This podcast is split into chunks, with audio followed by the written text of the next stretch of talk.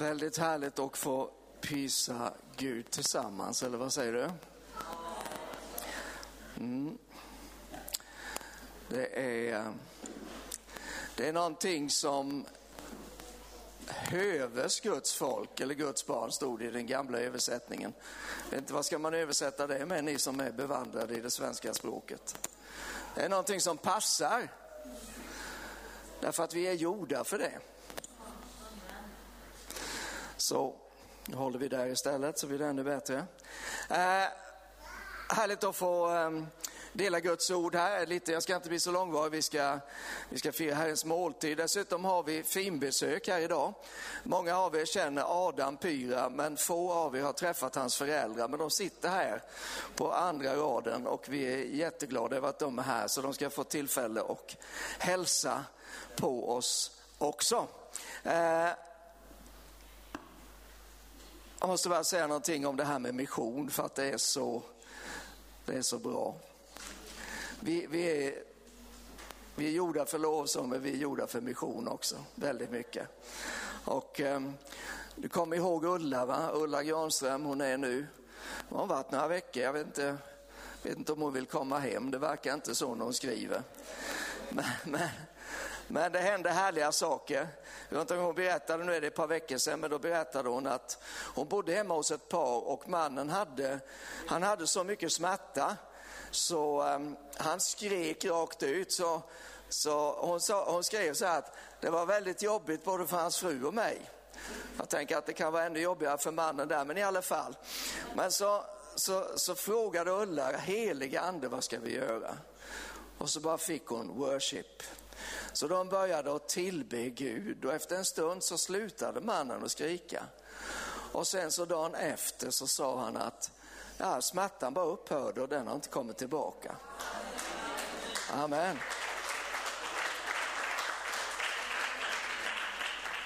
Och vi har ju eh, de här unga missionärerna har jag inte riktigt reda på nu, men eh, Isak och, Sakarias, är de i England nu eller var är de någonstans? Okej. Okay. Jag har förstått på dem att det inte är jobbigt. Nej. Och det är, alltså det är ju utmanande, precis som Oskar sa, men eh, kanske allra mest innan man kom iväg. Men eh, det är aldrig tråkigt, är det inte. Eh, jag hade förmånen att åka förra helgen tillsammans med Hugo till Rumänien och var med på en, en konferens där Oradja, i Oradja ska jag säga. Ehm, och ehm, det blev väldigt, väldigt bra. Jag var tillsammans med ett team med ett tiotal ungdomar ifrån Livets Ord i Uppsala. Och de var ute och evangeliserade dag och natt och fick se väldigt mycket härligt hända. Många som eh, blev vidrörda av Gud ute på gatan och som tog emot Jesus och började tala i tungor och blev helade. Och, ja, det här som hör, hör samman med att möta Jesus. Och därtill hade vi en väldigt, väldigt härlig konferens. Och, och eh, det var ju spännande förstås eh, för mig att få åka tillsammans med Hugo. Och han sa sen när vi hade kommit hem så sa han, jag tror jag fattar lite mer vad det är att vara kristen egentligen nu. Eh, och det är väl värt att åka till Rumänien för att få kläm på det, eller hur? Men allt det som vi hör om från andra håll och allt det som vi ser på andra håll, vet du vad? Det gäller här också. Det gäller, det gäller till och med Sävsjö. Man kan tänka att Sävsjö, det är nog, det är nog inte mycket hopp för det här stället. Jo Så länge Jesus lever så finns det hopp. Gott hopp. Men man kan bli lite, lite förvirrad ibland. Jag tänkte jag ville tala lite grann, några minuter bara om det här med förvirring. Eh, kanske att du ser allting kristallklart, men jag får erkänna att ibland känner jag mig förvirrad på mer än ett sätt. Och eh, jag tror att det, det, har, det har ju att göra med eh, vad man ser och vad man hör väldigt mycket. Och eh, nu är ju, eh, jag kan själv vittna om helande här, för egentligen borde jag vara svullen i ansiktet och blå. För att häromkvällen så, eh, så gick jag upp till sovrummet och det är inte första gången jag går till sovrummet. Vi har bott i huset nu i väldigt många år, 26, 27 år var det. Eh, så att jag råkar ganska väl där. Så att jag tände inte lampan när man går igenom ett par rum och så kommer man upp till vårt sovrum. Utan jag bara, jag bara gick på tills det tog totalstopp. Och det visade sig att där stod dörren halvöppen och jag gick rakt in i kanten, alltså så, på, på dörren. Och jag kände det här tog illa och det var stjärnor och raketer och allt möjligt. Och jag tog mig in och la mig över sängen. Och så kände jag att oj, det var väldigt vad det svullna här. Så jag fick ju dra mig ner och Elinor hämtade en påse frysta räkor i frysen. Och, och så satt jag med den och ömkade mig själv. Men det gick väldigt bra, gjorde det, men det här fick mig att tänka på det där. Att vad som händer när man inte ser riktigt klart och hur viktigt det är att se riktigt klart. Och det är det som jag tror vi måste, vi måste veta att Gud vill att vi ska se klart. I den mån vi känner att jag ser inte riktigt tydligt, jag fattar inte det här, jag förstår inte orsak och verkan och så vidare. Så är det inte Gud som är i det, utan det är någonting helt annat. Det kan ju vara att vi är lite vissna, men det kan också bero på andra saker. Och jag tänker att jag vill tala lite grann om det. Och jag, jag har, jag har faktiskt en mängd bibelverser, jag ska inte belasta er med alla dem. Jag, jag vill ta ett avstamp bara i psalm 36.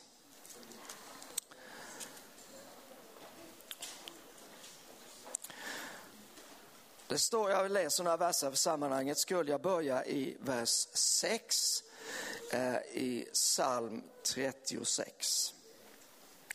Herre, till himlen räcker din nåd, din trofasthet ända till skyarna. Din rättfärdighet är som väldiga berg, dina domar som det stora havsdjupet. Både människor och djur räddar du, Herre. Hur dyrbar är inte din nåd, o Gud? Människors barn har sin tillflykt i dina vingars skugga. De mättas av rika gåvor i ditt hus och av din ljuvlighetsström ger du dem att dricka. Vilka fantastiska verser, eller hur? Och så kommer vers 10 då som säger så här. Hos dig är livets källa. I ditt ljus ser vi ljus. I ditt ljus ser vi ljus. Jag tror att Gud som jag förstår honom genom hela Bibeln, han är ljus, han är för ljus, han vill ge ljus. Eh, mörker är inte av Gud. Jakob säger att Gud, det, det, det växlar inte hos honom, det växlar inte mellan mörker och ljus. Hos oss kan det göra det. Eh, Eh, det finns till och med hela läror som är byggda just på det att vi har liksom både det, det, ena och det andra i oss. Men Gud har inte det. Gud är ljus. Och jag vet inte om du har tänkt på det, men det första som är uppskrivet att Gud säger, det absolut första, i tredje versen i Bibeln, så säger han, var det var det ljus. Och det vart ljus. Så det var inte bara en from önskan eller en förhoppning om att det skulle lysa lite grann där det var skumt, utan det blev ljus. Gud vill ge ljus, Gud vill upplysa. Vi har ju det här ordet som heter uppenbarelse. Vi har uppenbarelseboken, jag kommer ihåg vår gode vän eh, förr i tiden, Hilding Fagerberg. Han sa, de säger att uppenbarelseboken den är så svår. Och jag var ju en av dem. Och är väl fortfarande. Men så sa han, jag kan inte förstå det, den heter ju uppenbarelse. Så det kan väl inte vara så svårt. Men ibland blir det svårt och ibland så vet man inte riktigt vad, vad, vad är vad? Och hur ska jag tänka här? Och varför händer det här? Och vad, vad vill Gud med det här? Man tänker alla möjliga tankar. Och min förhoppning är att den här dagen så ska vi kunna hjälpa varandra att se lite klarare.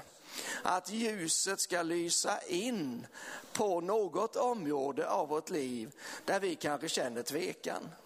Man, man kan ju känna tvekan till exempel när man har eh, säg att man har varit sjuk länge, man har bett till Gud och det, det verkar inte som det blir någon skillnad, det händer ingenting. Och då, då kommer man in i det här att det, är, det är inte fullständigt självklart längre.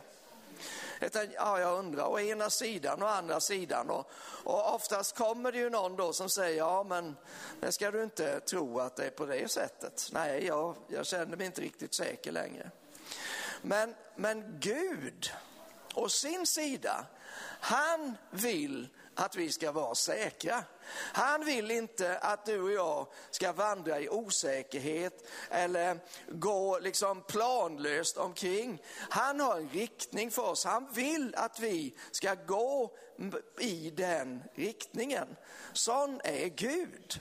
Och om han vill det, då har han ju också hjälp att ge till oss när vi inte hittar riktningen riktigt, när inte vi förstår situationen vi är i eller vad som händer runt omkring oss och så vidare.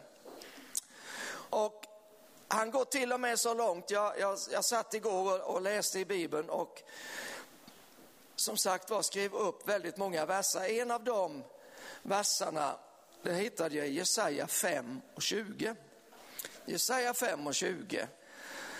Där säger Jesaja så här. Ve dem som kallar det onda gott och det goda ont, som gör mörker till ljus och ljus till mörker, som gör bittert till sött och sött till bittert. Eh, jag tror att Jesaja han tänkte på människor. Eh, när vi tänker på detta, då behöver vi förstå tillvaron i ljuset av att Jesus har kommit hit till den här jorden, att han har offrat sitt liv för oss, att vi blivit, eh, alla som tror på Jesus har blivit nya skapelser. Att vi har ett, ett väldigt annorlunda utgångsläge än vad till exempel Jesaja hade. Eh, och att Bibeln är väldigt tydlig på att när vi får problem, då är det inte på grund av människor. Alltså människor kan ställa till det, absolut. Eh, du har väl också ställt till det, eller hur? Ja, men det är inte där som grundorsakerna ligger, utan de ligger i, i en annan dimension. Eh, och därför så Paulus han skriver till Efesierna, han säger att nej, vi kämpar inte med kött och blod. Det är, inte, det är inte där striden står. Så så fort vi börjar kämpa med kött och blod, då, då blir det lite vid sidan om de egentliga målgrupperna så att säga som vi behöver ha. Så, men det finns verkligen någon eller något som kallar det onda för gott och det goda för ont, som gör mörker till ljus och ljus till mörker och som gör bittert till sött och sött till bittert. Det finns någonting som är ämnat att förvirra dig och mig.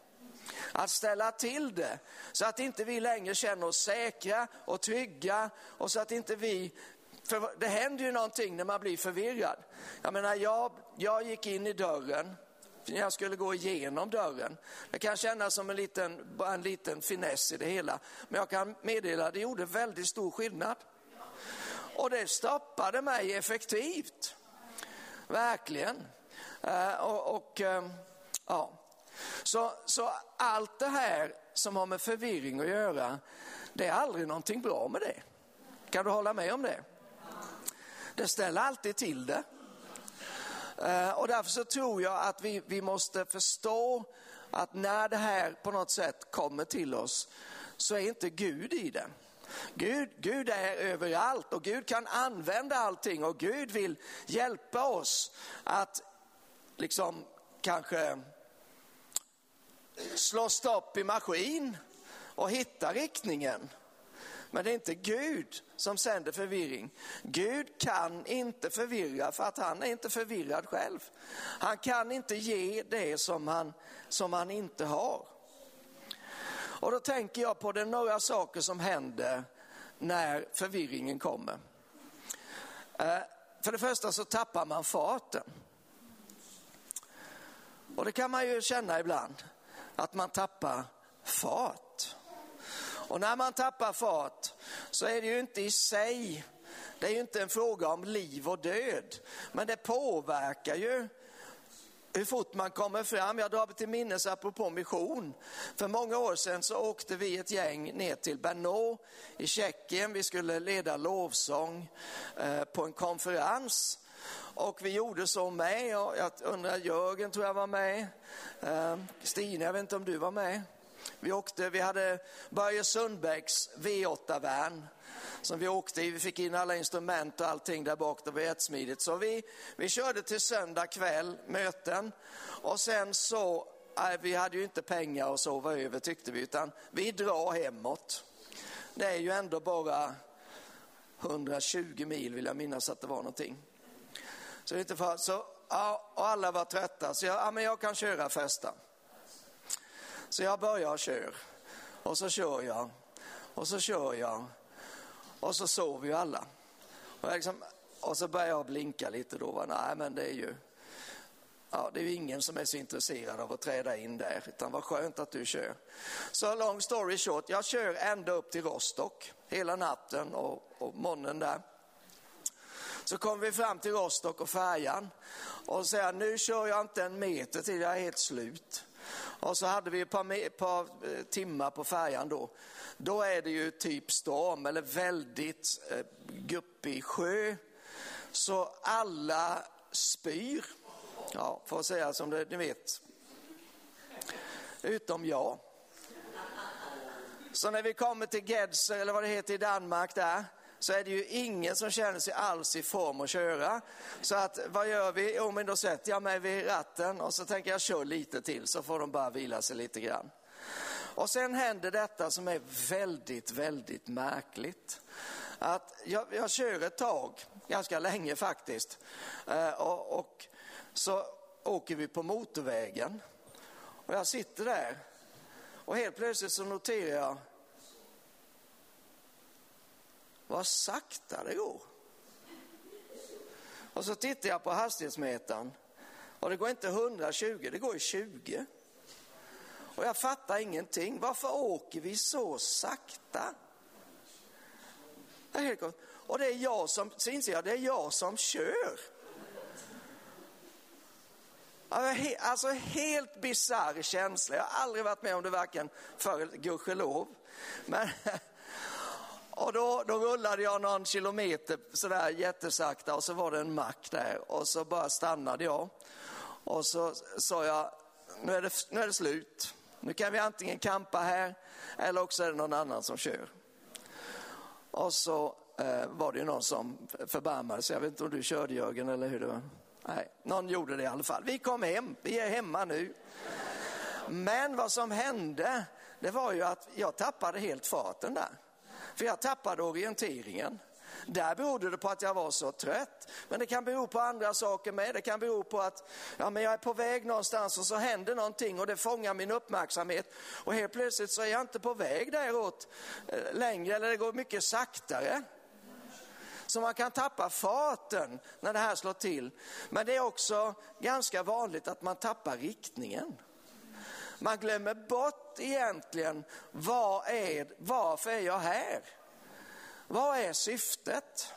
Var är jag på väg? Har, har, till exempel, har Gud sagt någonting? Han har ju för vana att göra det. Men när förvirringen kommer så bara, ja, vad var det nu igen? Vad ska vi någonstans?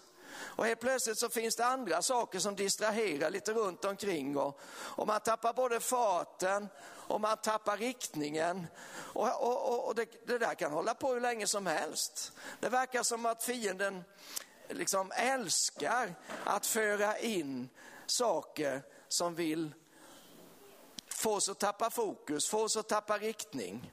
Som bara egentligen förvirrar oss. Någonting annat jag har märkt när förvirring kommer, det är att det också är risk att man tappar varandra. Helt plötsligt så, så är det som man, någon säger en sak men man hör någonting annat. Och så försöker man, nej men det, det var inte så jag sa, jag sa så här. Ja då blir det ännu värre. Och man fattar ingenting, hur kan det bli så här? Fatt, fatt, är det ingen som fattar någonting längre? Nej, det är det inte. Därför att det har kommit in förvirring och det blir som allting bara blir, blir förvridet. Sött blir surt och surt blir salt, och, ja, eller bittert, vad det står, kommer inte ihåg det. Ljus blir mörker och mörker blir ljus. Därför att det har blivit förvirrat. Och så tappar man bort varandra och när man tappar bort varandra, då tappar man ju bort det som är det allra värdefullaste i livet. Och jag vet inte om ni var med på, vi har pratat om det många gånger och, och det hände ju i det offentliga så, så jag, jag, tror att jag kan säga det här med. Men om vi var med på församlingsläget i somras på Öland så var det ju ett, ett par som ställde sig upp och sa, ni måste be för oss. Vi håller på att fullständigt tappa bort varandra. Vi bara snackar förbi varandra hela tiden. Vi fattar inte vad det är som händer. Vi måste bara få hjälp.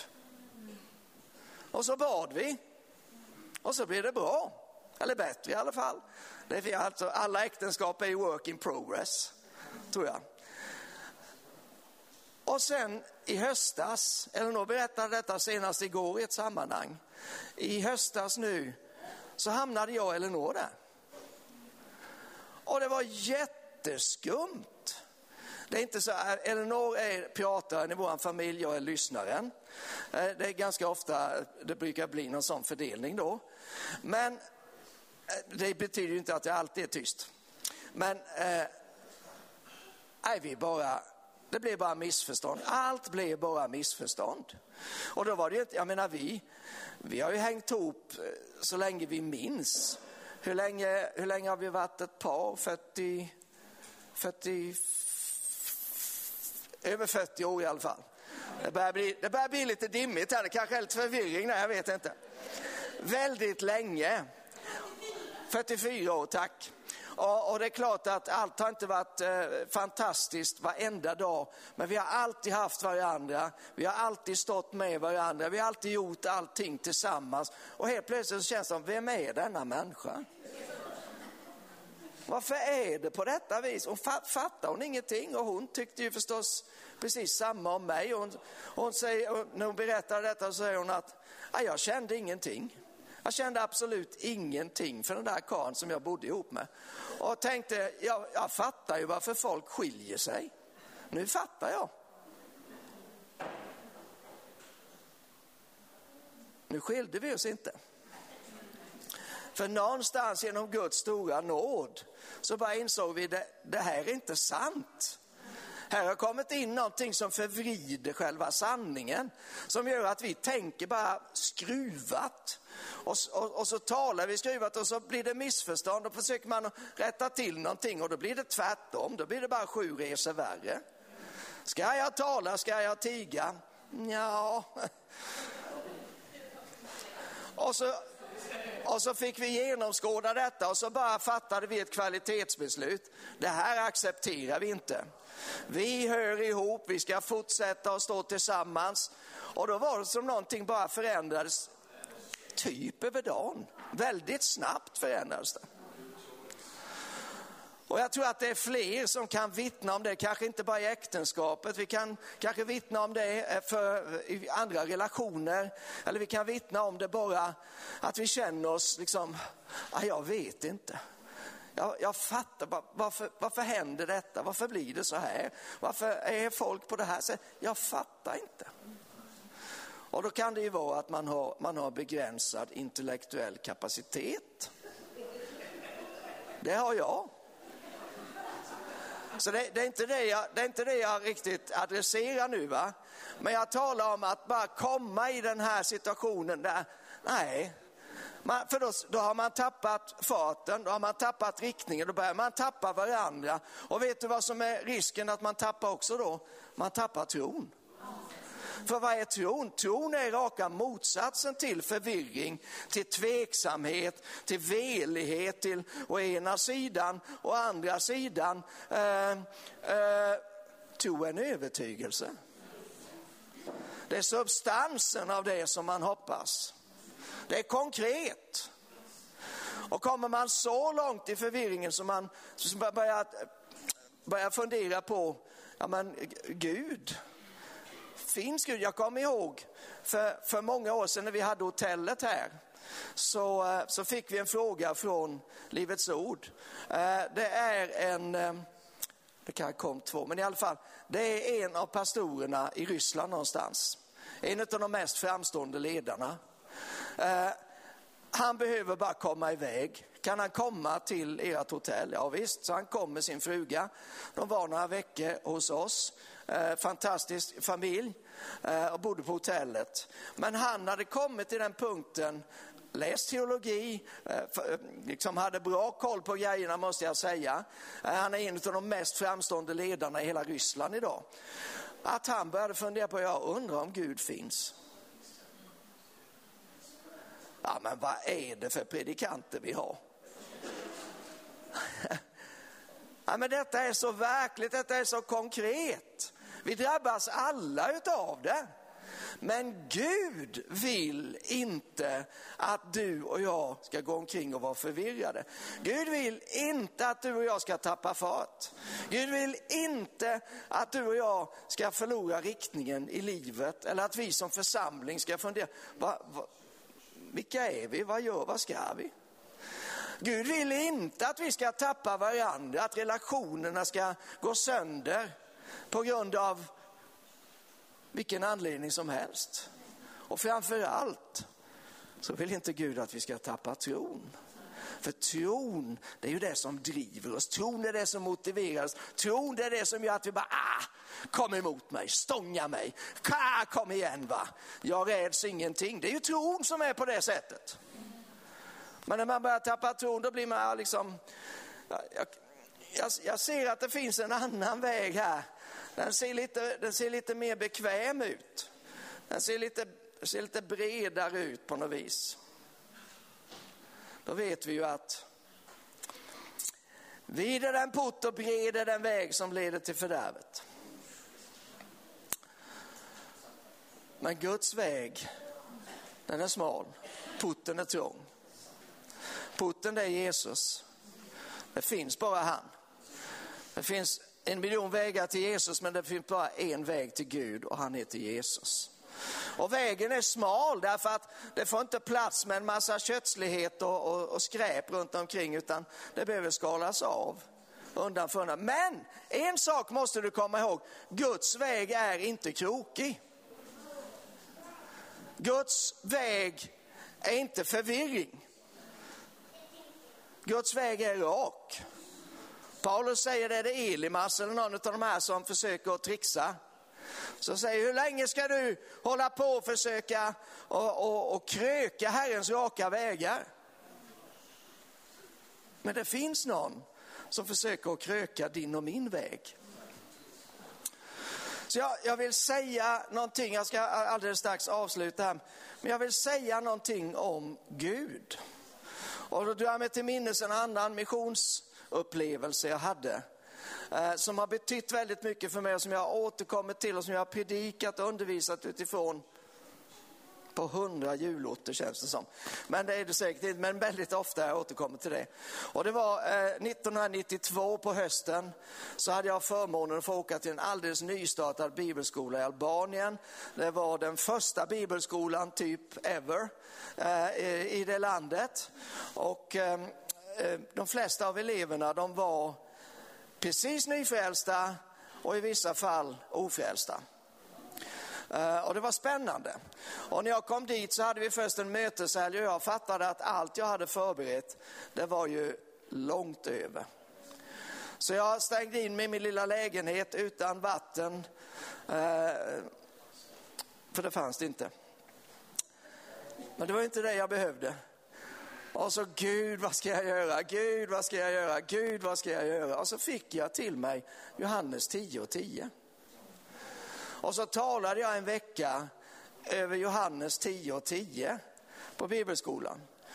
Och där står det ju, eh, det vet ni allesammans, tjuven kommer bara för att stjäla, slakta och döda. Eller förgöra stod det i 1917 års bibelläsning. Jag, säger Jesus, har kommit för att ni ska ha liv och över nog. Eh, och allt eftersom jag började fundera och meditera och be över den här versen så såg jag att Jesus här målade upp en bild med två väldigt, väldigt stora kontraster. Å ena sidan så fanns ondskan, den onde, eh, dödsriket, helvetet eh, som, som kännetecknas då när man läser Bibeln i ett större perspektiv, som kännetecknas av mörker, av död, av brist, av förbannelse, av svårigheter, av smärta, ensamhet och för den skull även förvirring.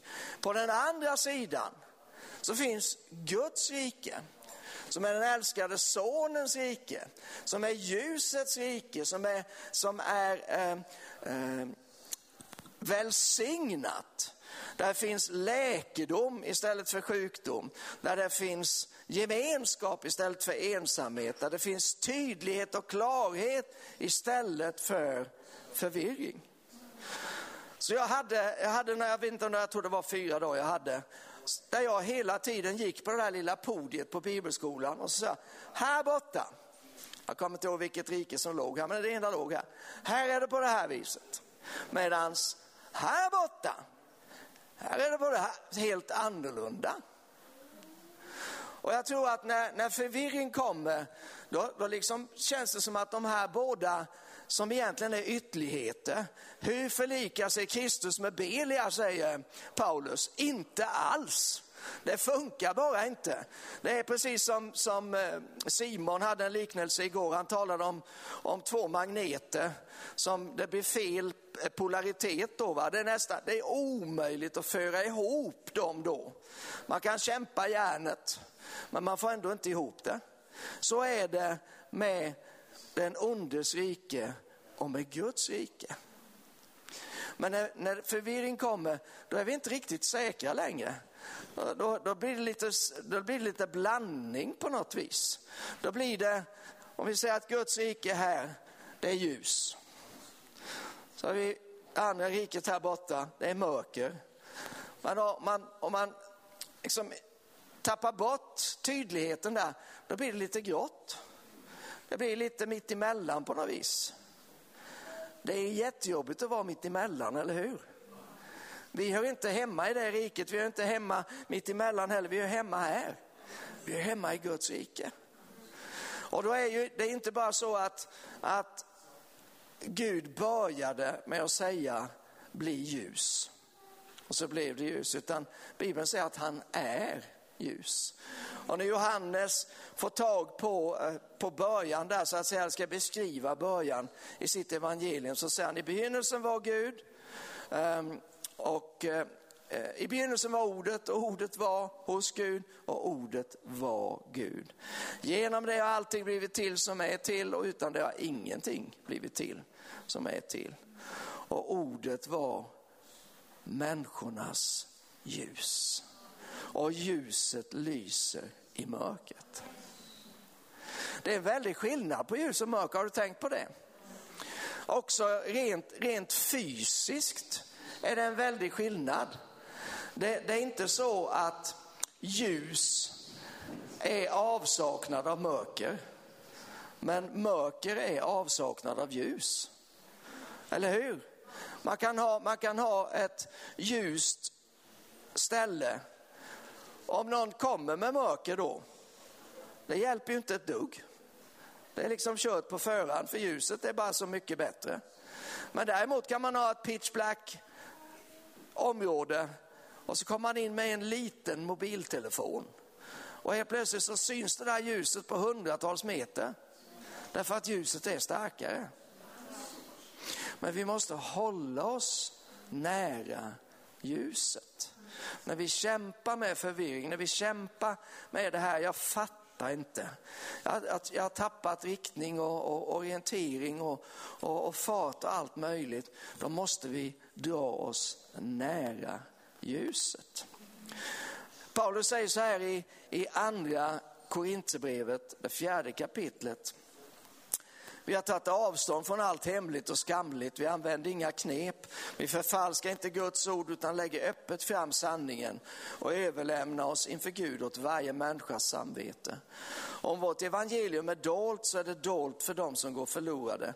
Den här världens Gud har förblindat de otroende sinnen så att de inte ser ljuset som strålar fram från evangeliet om Kristi härlighet. Han som är Guds avbild. Och någon vers längre ner så, så, så säger han, Gud som sa ljus ska lysa upp Ljus ska lysa ur mörkret. Han har lyst upp våra hjärtan för att kunskapen om Guds härlighet som strålar, strålar från Kristi ansikte ska sprida sitt ljus. Det finns en kraft som vill förmörka, men som inte ska få förmörka din och min situation. Som inte ska få förmörka den här församlingen, som inte ska få föra in någonting som förvirrar och som får oss att tappa bort vad som egent, vilka vi egentligen är, vad vi egentligen är på väg, vilka vi egentligen hör samman med eller någonting utan så vi kan hålla fokus. Tidigare var ni mörker, men nu är ni ljus i Herren säger Paulus i Efesierbrevet. Lev då som ljusets barn. För ljusets frukt består i allt vad godhet, rättfärdighet och sanning heter. Och några verser senare, i Efesierbrevet 5, så säger han så här. Allt som avslöjas av ljuset blir synligt. För allt som uppenbaras är ljus. Därför heter det, vakna du som sover, stå upp från de döda och Kristus ska lysa över dig. Det blir alltid så drastiskt när Gud hanterar det här med ljus och mörker. Det, det, det, det finns liksom inget, eh, Alltså man brukar tala om nyanserna i det kristna livet. Jag är fullt medveten om det. Gud är ju helt otrolig. Han är hela paletten gånger hundra. Men när det kommer till de här frågorna så är det väldigt enkelt och det är väldigt tydligt och det är väldigt svart och det är väldigt vitt. Och då ska inte vi acceptera att vi kommer in i de här gråzonerna där allting bara blir luddigt och man har ingen, nej, jag, nej nu, nu, nu känner jag mig väldigt osäker här. Det är, det är kungars ära att uppenbara det som är fördolt. Och Gud, han är kungars kung. Han, det är hans ära att få uppenbara, han vill uppenbara. Vi har inte full uppenbarelse. All vår kunskap är ett styckverk. Vi ser liksom i en spegel, säger Paulus i, i första Korinthierbrevet 13. Och en spegel på den tiden, det var ju inte vad en spegel är nu, för den tycker man ju är jobbigt avslöjande, i synnerhet när man står i ett provrum och ska prova ett par byxor. Då önskade man att det vore lite luddigare. Ja, det var ju bara jag. Ja, det vet ni ju det i alla fall. Men spegeln där, det var ju mer en, en polerad plåt eller någonting. Man, man kunde se typ. Va? Så vår kunskap är det. Men i Kristus, enligt Kolosserbrevet 2, så finns visdomens och kunskapens alla skatter. Och var är du och jag någonstans? Vi är i Kristus.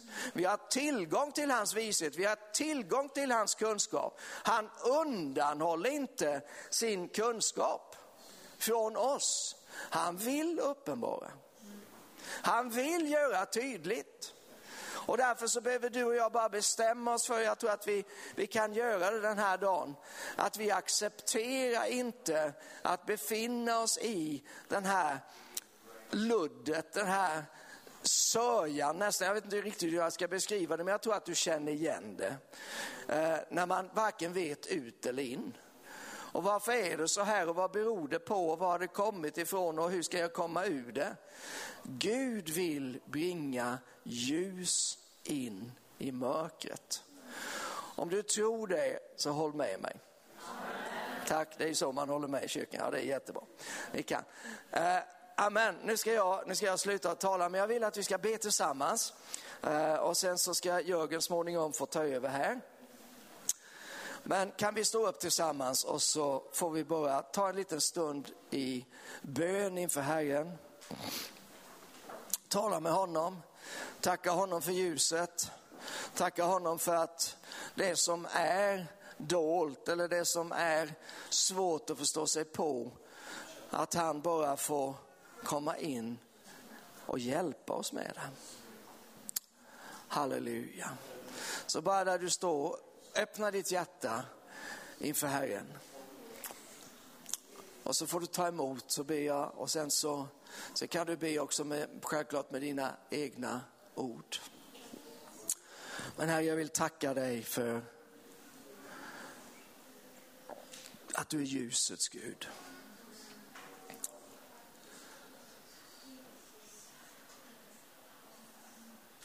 Du talade och det blev ljus. Och jag ber här att du ska låta ditt ord ha den effekten den här dagen också. Herre, det finns så mycket i ditt ord som talar just kring detta och som är så, så tydligt, som är så konsekvent just när det kommer till ljus och mörker. Jag ber här att du, du låter ljuset gå upp i våra hjärtan. Kanske finns det fler som likt mig bara har brottats med den här förvirringen och känt en osäkerhet och, och funderat på vad, vad ska jag göra? Vad, vad är vad, liksom, som har tappat bort så mycket? Herre, då ber jag att du ska komma och möta den här dagen. Att du ska låta ditt ljus lysa in, Herre. Låt ditt ljus lysa in i allas våra liv, i allas våra hjärtan. Herre, om det blir knas i våra sinnen så tackar jag dig för att du vill hjälpa oss att bringa ordning. Herre, att vi kan få förnya våra sinnen.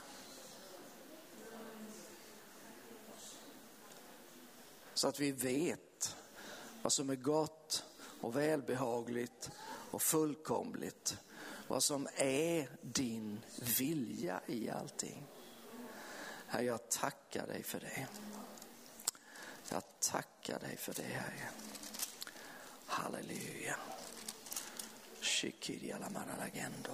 Tack Jesus. Jag tackar dig för det, Herre. Och Herre, jag ber för församlingen. Jag ber att rättfärdighetens sol ska gå upp. För jag vet att den har läkedom under sina vingar. Så tackar jag för rättfärdighetens sol som stiger. Precis som den, den rättfärdige stig är som solen. Som stiger ända till den når middagens höjd. Det, liksom, det, det, det stannar inte av, det fejdar inte bort utan det bara fortsätter att stiga. Tack att det är den väg du har för församlingen. Jag ber att rättfärdighetens sol ska bara gå upp över församlingen, över våra liv Herre. Jag tackar dig Herre att ditt ord står fast. Tack Herre att vi får bara rekalibrera oss i, i den här situationen komma tillbaka Herre till tron, komma tillbaka till varandra, komma tillbaka var vi är på väg någonstans. Och också få upp farten igen. Jag ber om det i Jesu namn. I Jesu namn.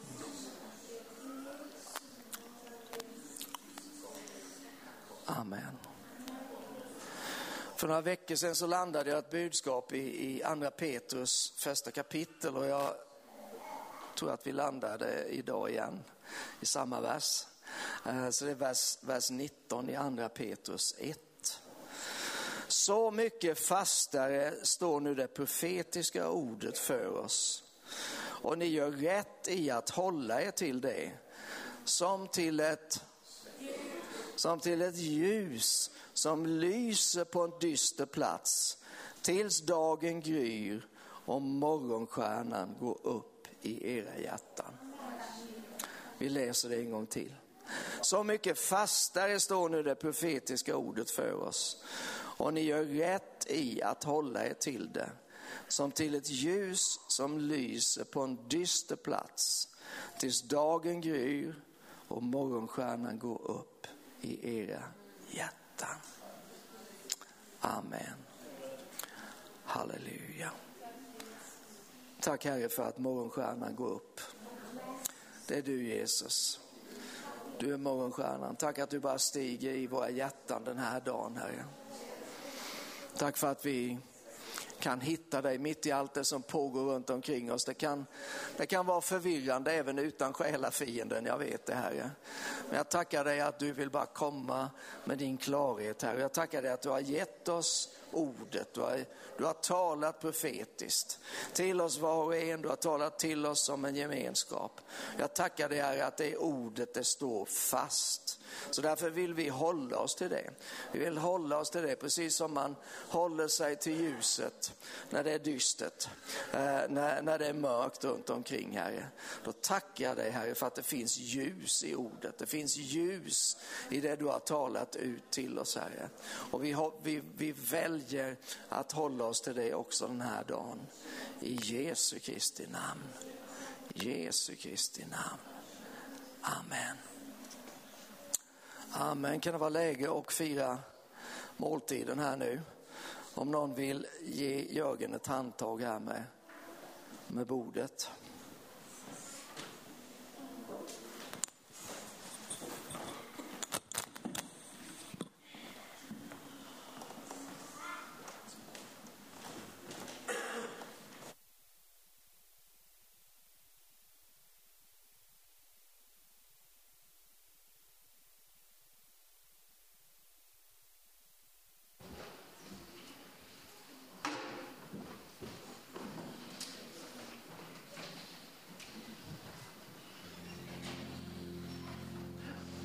Tack Jesus.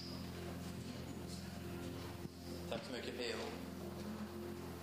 Eh, vi ska gå in då och fira Herrens nattvard tillsammans. Och eh, vi kan väl börja med att ställa oss upp så ska vi ta och bekänna våran tro.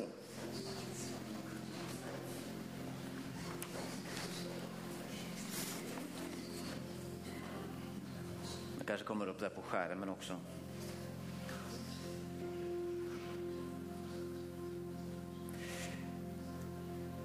Vi tror på Gud, Fader allsmäktig, himmelens och jordens skapare.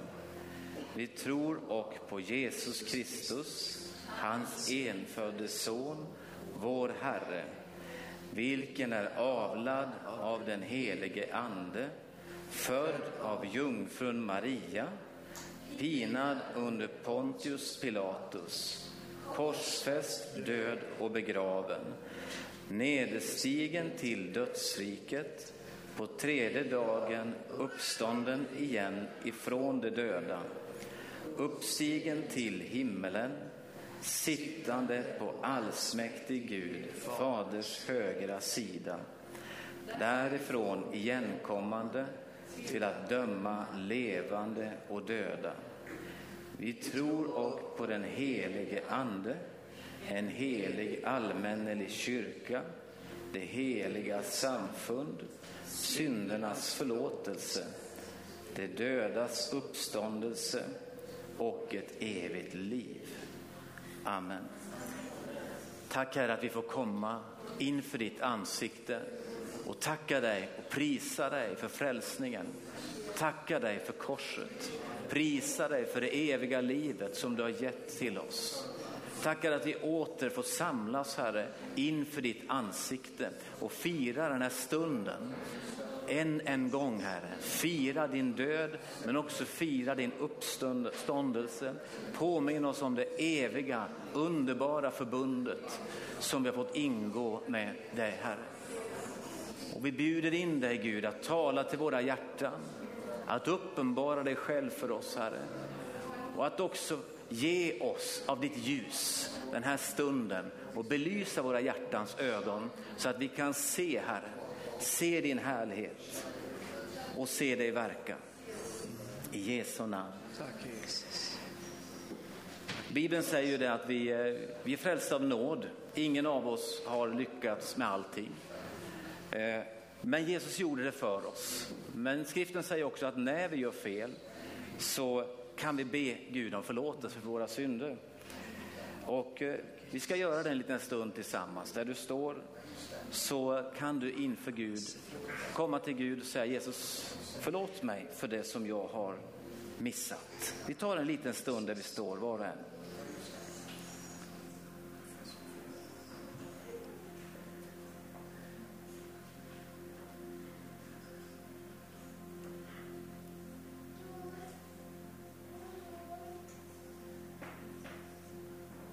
I första Johannes kapitel 1 och vers 9 så står det att om vi bekänner våra synder så är han trofast och rättfärdig så att han förlåter oss våra synder och renar oss ifrån all orättfärdighet. Och jag tänkte också idag på Hebreerbrevet kapitel 4 där det står att vi kan komma med frimodighet inför nådens tron, bestänkta i våra hjärtan med Jesu blod. För Jesus har inlett en ny och levande väg som leder ända fram till Fadern. Jesus, vi tackar dig för att du är den som renar oss och du är den som är fridsfursten och den som förlåter oss alla våra synder. I Jesu namn.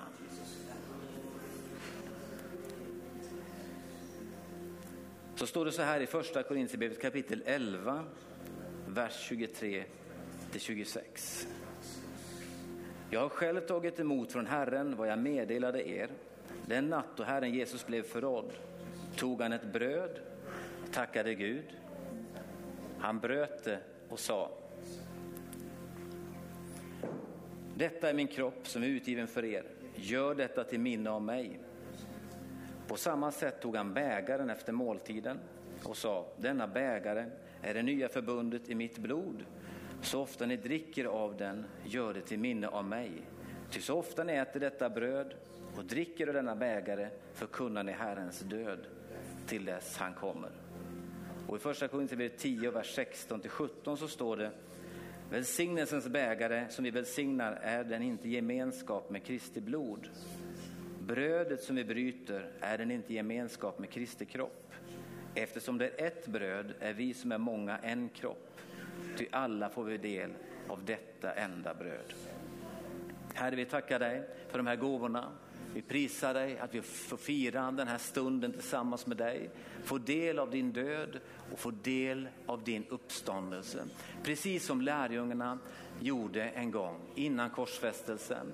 Vid nattvarden för första gången så får vi åter fira den här måltiden till åminnelse av dig. Vi tackar dig Jesus för att den här stunden får bli en helig stund. Vi ber dig här om läkedom Herre. Vi ber Gud om uppenbarelse och rening. Tack att du befriar oss ifrån mörker. Du tar bort mörkrets ok som vill omsluta oss. Och du befriar oss så vi kan se dig så som du är. Och vi ber dig helige Ande att du kommer den här stunden och betjänar oss var och en. I Jesu namn. Låt oss också be den bön som Herren själv lärde oss att be. Fader vår som är i himmelen. Helgat varde ditt namn. Tillkomme ditt rike. Ske din vilja så som i himmelen, så och på jorden. Vårt dagliga bröd giv oss idag och förlåt oss våra skulder så som och vi förlåta dem oss skyldiga är. Och inled oss inte i frestelse utan fräls oss ifrån ondo. Ty riket är ditt och makten och härligheten i evighet. Amen. Tack Jesus. Då gör vi så här att eh, vi prisar Herren tillsammans och sen så får du komma fram som vi brukar göra, första raden här och ta emot gåvorna. Och sen när du har tagit emot gåvan så ges det tillfälle på den här sidan om man vill ha förbön så ska vi be tillsammans. Annars kan du gå och sätta dig igen efter du har fått din gåva. Vi gör väl så att vi tar väl välkomna Simon och Julian fram som ska hjälpa till här och dela ut idag. Och eh, ni som betjänar på något sätt under gudstjänsten här, ni kan väl komma fram först då och ta era gåvor.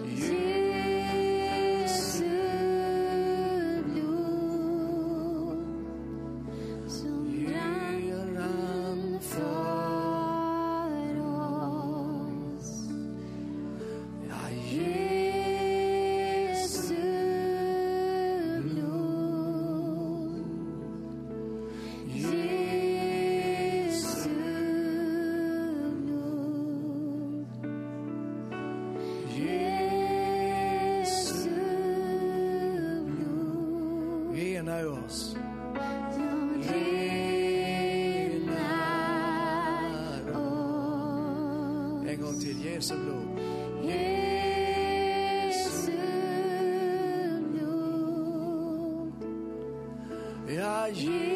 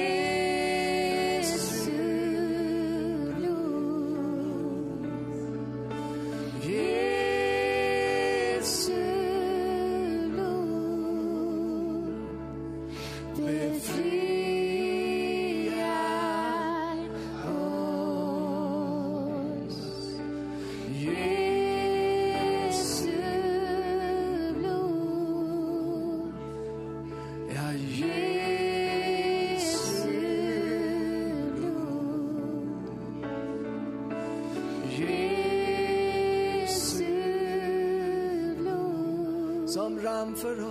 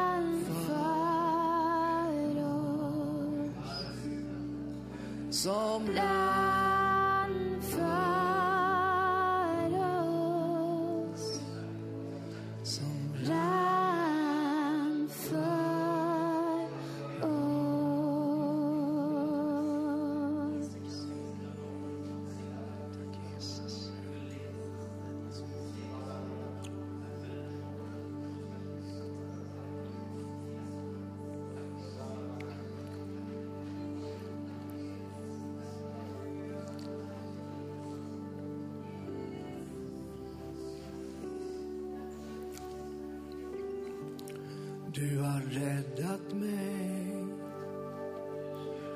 Befriat mig Min skuld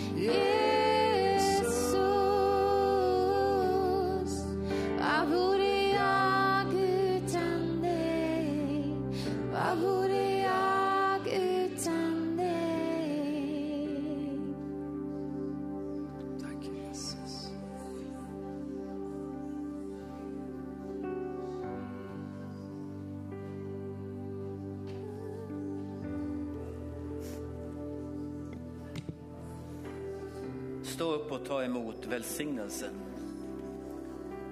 Herren välsigne er och bevara er.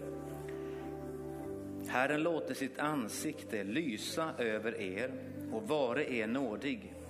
Herren vände sitt ansikte till er och give er frid. I Guds, Faderns och Sonens och den helige Andes namn. Amen. Tack Jesus.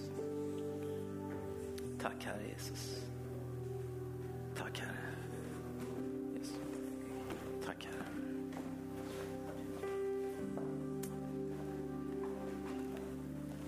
Varsågod och sitt ner en liten stund.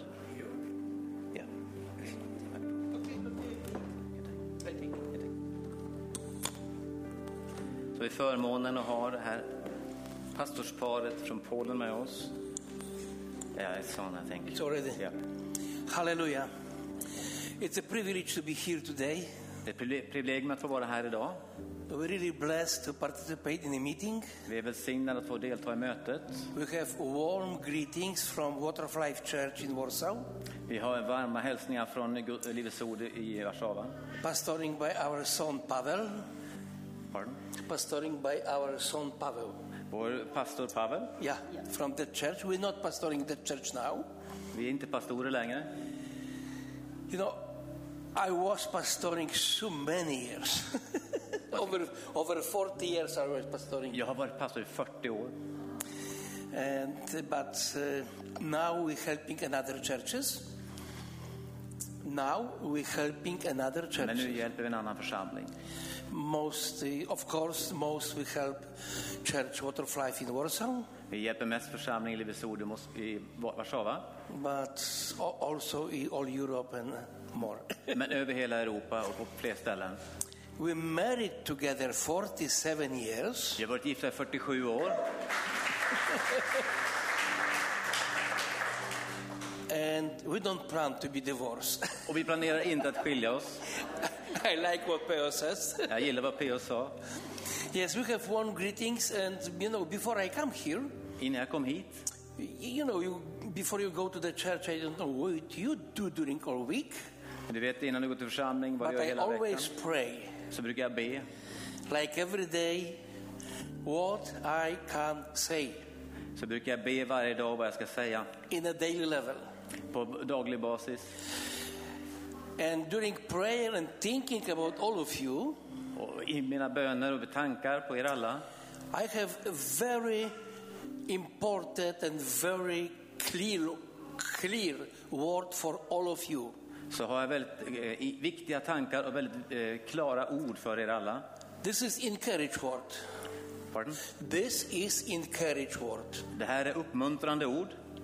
You are able to do more for Jesus. Du kan göra mer för Jesus. I say again, Jag säger det igen. you are able Du, är, du, är, du har möjlighet, doing more for Jesus du är förmögen, har förmågan att göra mer för Jesus in daily level. på en daglig basis. I don't say like all congregation. Jag säger inte som hela församling, I, I say like a single person. utan som en, en enskild person. You are able to do more for Du Jesus. kan göra mer för Jesus. This is my greetings for you Det här är min hälsning till dig and blessing. och välsignelse. Be blessed. Thank you so much. välsignad. Tack så mycket.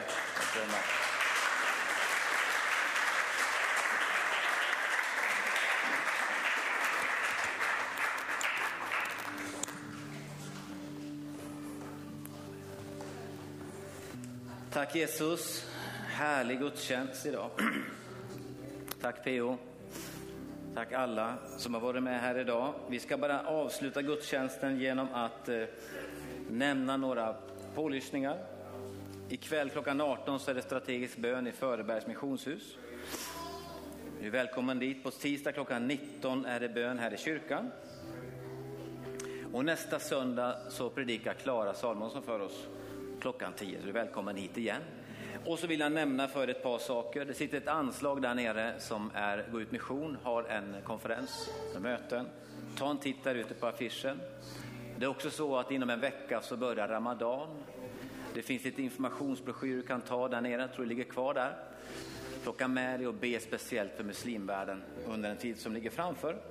Det kan vi göra hela tiden, men vi kan lyfta det lite extra nu. Och till sist vill jag också nämna att den 23 till den 24 mars så har vi One här i Sävsjö när Sebastian Staxet och Bets Asefa kommer hit. Så boka in det. Det är några veckor kvar. Ja, det är långt dit säger du, 23 mars. Hä, det var tre veckor. Det går fort. Säg det går fort. Men innan vi går hem idag också så har du möjlighet att stanna och fika en stund bort i B-huset. Ha en välsignad vecka.